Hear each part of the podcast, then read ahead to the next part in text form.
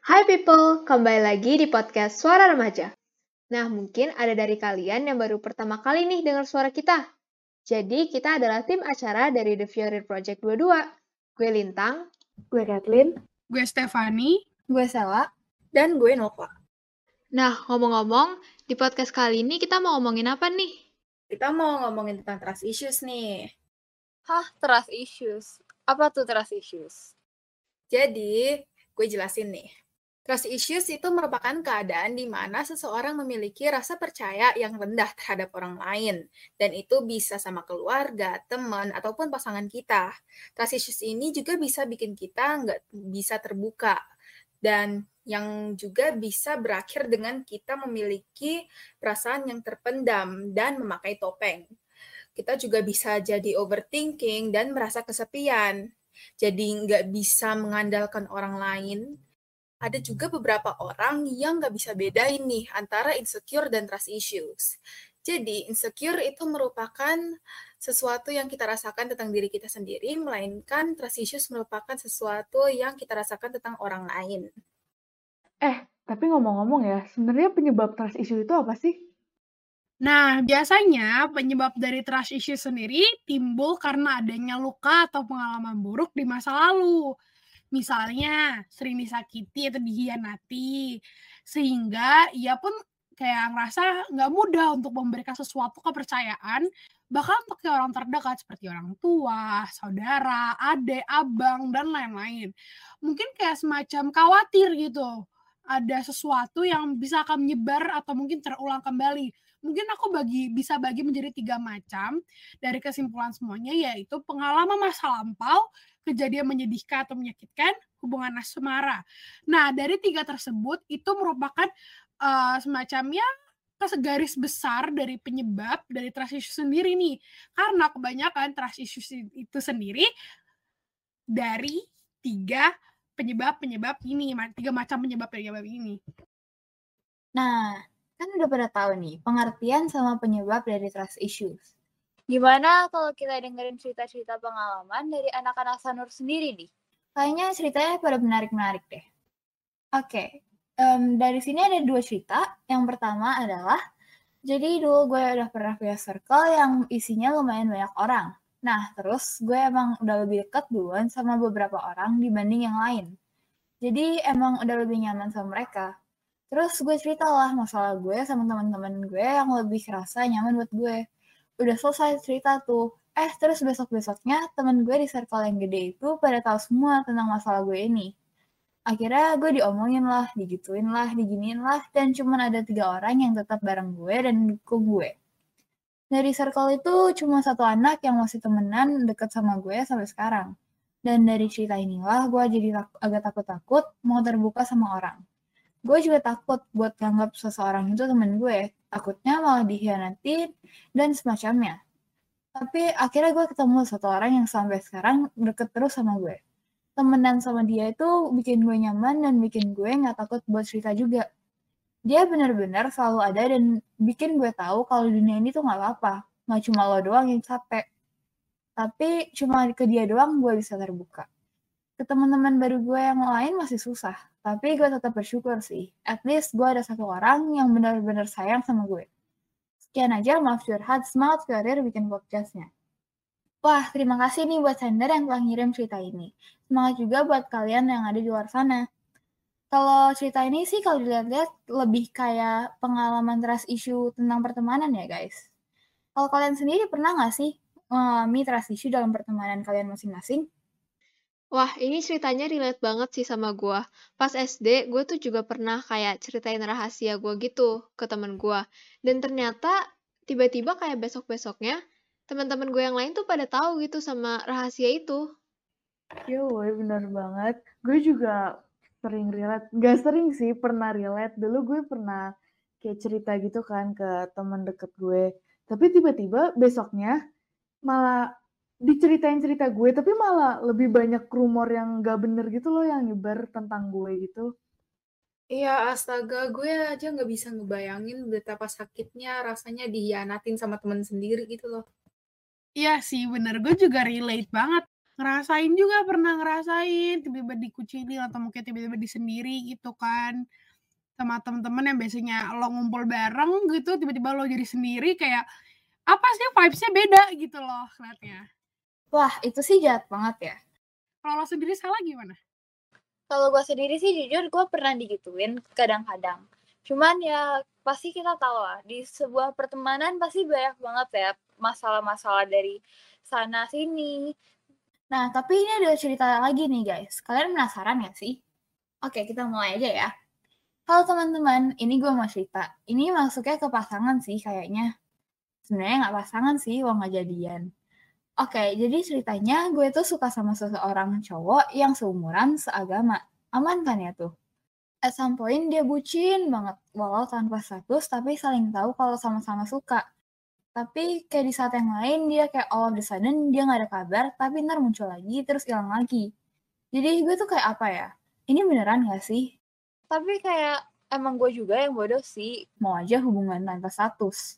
Tapi ya sejak itu gue ikutan wush menghilang seperti dia hilang sebelum-sebelumnya. Cuman bedanya gue gak balik lagi terus setelah itu.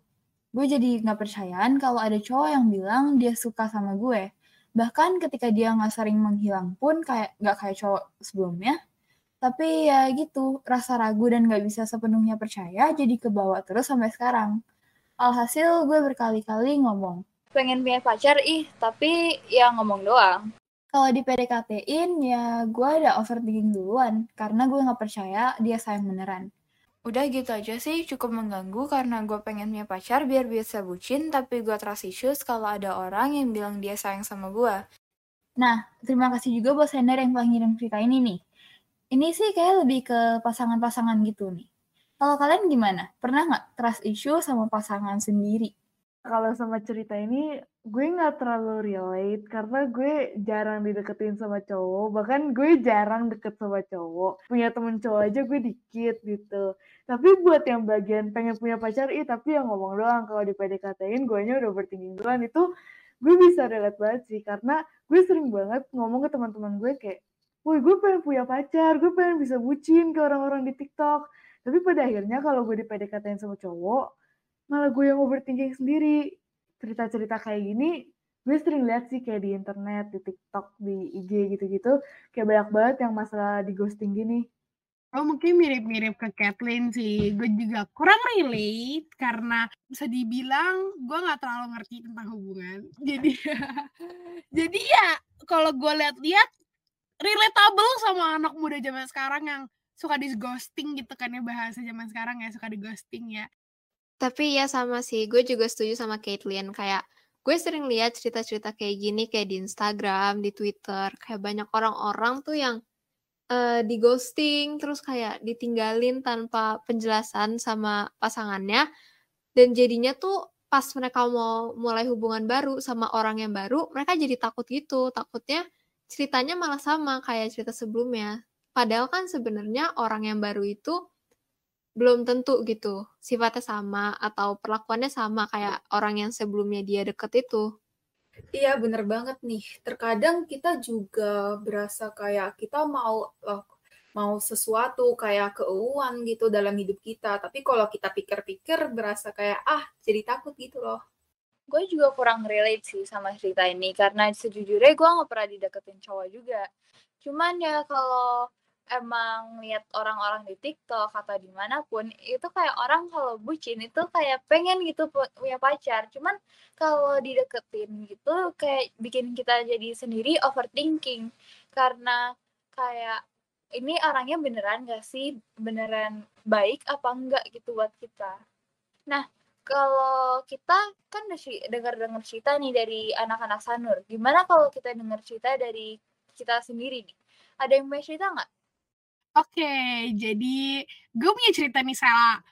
Uh, mungkin karena tadi bahasnya mengenai teman, mengenai relationship sama pasangan, gue sekarang mau bahas mengenai keluarga.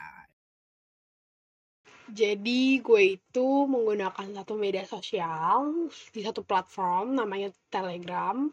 Di situ gue tuh kayak main secara virtual dengan orang luar. Gue nggak tahu siapa orangnya gue nggak tahu secara jelas tapi gue kenal gitu gue punya fanbase gitu gitu bilang aja role player waktu itu gue pernah sekitaran berapa ya setengah tahun gue main gituan terus kayak ketahuan sama orang tua gitu.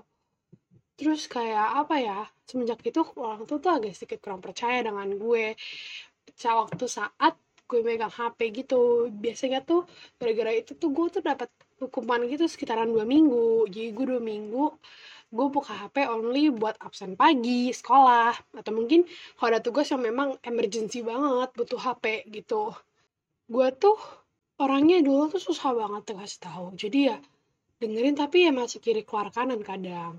Terus akhirnya gue tuh lama-lama gue mulai mengerti bahwa gue dikasih percayaan untuk megang HP, untuk melakukan media sosial, untuk mengembangkan diri gue, untuk tahu dengan teknologi sekarang, tapi gue malahan menggunakannya dengan buruk. Gue nggak bisa ngejaga kepercayaan itu dengan baik gitu loh. Akhirnya gue mencoba buat mendewasakan diri gue, gue mencoba untuk sebagaimananya gue harus bijak dalam media sosial, gue harus bijak dalam teknologi sekarang uh, dua minggu berlalu bokap gue mulai bokap nyokap gue mulai ngasih kayak semacam kepercayaan. Walaupun dibilang ya gampang atau kecil gitu tapi bagi mereka itu besar kan. Jadi mereka mulai kasih HP gitu ke aku. Terus kadang juga suka sering diwanti-wanti gitu. Akhirnya ya sampai sekarang juga kadang HP juga suka dicek sama orang tua gitu setelah gue kasih kepercayaan gitu bokapku juga kadang suka sering ngecek HP gue nggak ada apa-apa paling cuma catatan sama temen atau catatan les tugas gitu gitu paling ya it's okay bokap nyokap gue. Terus sudah kira gue mencoba buat kepercayaan ini gue harus bisa jaga. Gue nggak boleh kehilangan kepercayaan lagi sampai kayak gue kehilangan kedua kalinya gitu bahasanya. Dan ya sudah kira gue bisa keluar dari dunia role player itu gue bisa selesai dari dunia itu dan gue menggunakan media sosial sebijak gue. Gue menggunakan media sosial ya selayaknya gue untuk mengembangkan diri selayaknya gue untuk tahu dengan teknologi luar selayaknya gue ya mungkin ngeliat-ngeliat kabar-kabar baru, K-pop fangirling, ya gitu. Pokoknya jangan menyanyikan segala sesuatu guys, apalagi kepercayaan. Sangat susah untuk mendapatkan kepercayaan. Apalagi sekalinya udah pupus nih harapan kepercayaan kepada satu orang, pasti rasanya sakit banget gitu kan. Jadi ya jagalah kepercayaan yang orang berikan kepadamu, mau sekecil apa pun, tapi jagalah itu. Karena aku yakin bahwa itu sebuah hal yang besar tapi tidak terlihat. Eh, tapi gue mau nanya deh lu pernah ngerasa kayak uh, privasi lo di nggak dihargai gitu nggak sih? Kan kadang-kadang lo ada ngechat mungkin crush lu atau apa pun itu. Lu pernah ngerasa kayak takut gak sih buat dibuka sama orang tua lo gitu? Ah uh, sebenarnya pasti ada. Takut. Kalau dibilang keganggu ya sebenarnya keganggu tapi gue juga ngerti bagaimana keadaan gue dulu dan sehingga gue paham keadaan sekarang kalau misalnya nyokap kayak gitu ke gue ya it's okay. Dan bagi gue ya nggak gimana gimana sih sebenarnya ada perasaan takut tapi ya bagi gue udah nggak setakut dulu lagi untuk orang ngecek HP gue. Keren banget karena kayak buat orang ngasih kepercayaan lagi kan itu gak gampang ya dan orang tua Stefani bisa ngasih kepercayaan keren aja gitu loh Wah, jujur gue beneran relate banget loh sama ceritanya si Stefani. Beneran ketika kita kehilangan trust yang orang kasih ke kita, beneran rasanya sakit banget. Dan keren banget uh, Stefani bisa menyesal terus menjadi lebih baik. Sama orang tuanya keren banget bisa percaya lagi.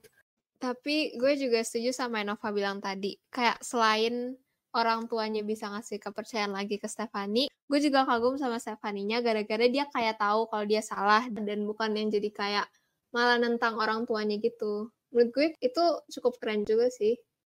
Eh, ada nggak sih tanda-tanda atau gejala-gejala dari trust issues gitu? Nah, ada nih, ada empat. Nih gue bacain ya. Yang pertama itu selalu menaruh kecurigaan pada orang lain bahwa mereka akan menyakiti.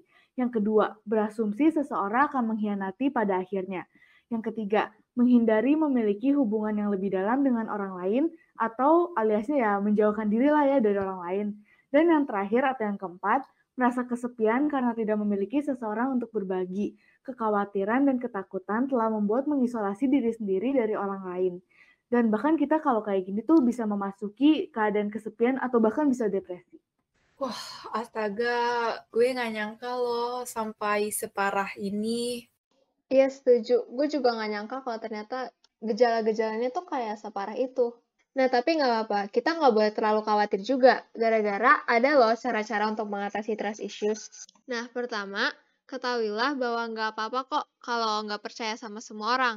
Kalau misalnya kamu beranggapan bahwa kepercayaan itu seharusnya diberikan hanya kepada mereka yang memang pantas, itu sikap yang sah-sah aja kok. Terus yang kedua, komunikasikan perasaan secara jujur dan terbuka. Kamu dapat mengkomunikasikan perasaan kamu dengan jujur dan terbuka kepada seseorang yang dekat dengan kamu untuk mendapat support system yang penuh pengertian. Jika sesuatu yang terjadi memicu rasa kecurigaan dan trust issues kamu, kamu pun bisa meminta pendapatnya mengenai situasi tersebut. Di samping orang terdekat, kamu pun bisa berbicara dengan terapis atau psikolog mengenai masalah kamu bila dirasa perlu. Dan yang terakhir, jangan mendesak diri sendiri. Prosesnya mungkin akan membutuhkan waktu, dan itu nggak apa-apa. Kepercayaan diri kamu juga perlu untuk lebih dibangun lagi. Karena kepercayaan diri bisa berpengaruh terhadap kemampuan seseorang untuk mempercayai seseorang. Wah, ternyata banyak banget yang bisa kita dapat hari ini dan semuanya seru-seru banget ini pertama kalinya gue sih mengulik tentang trust issues dalam ini. Ternyata separah itu ya, dan gue dari sini jadi belajar lebih banyak tentang trust issues. Kalau kalian gimana nih? Pasti susah banget buat ngelawan rasa-rasa trust issue dalam diri kita. Buat teman-teman yang udah isi maupun yang gak isi form, semangat terus ya. Gue tahu kalian pasti udah berusaha sebaik mungkin buat ngelewatin masa-masa itu. Dan kalian juga harus apresiasi diri kalian sendiri dengan hal-hal yang baik. Yes, bener banget tuh. Tetap semangat ya teman-teman semua. Oh ya, terima kasih sudah mendengarkan podcast Suara Remaja bulan ini. Gue Sela. Gue Nova. Gue Kathleen. Gue Lintang. Dan gue Stefani. Pamit undur diri dulu ya. Happy Early Valentine juga semuanya. Dadah. Dadah. Dadah.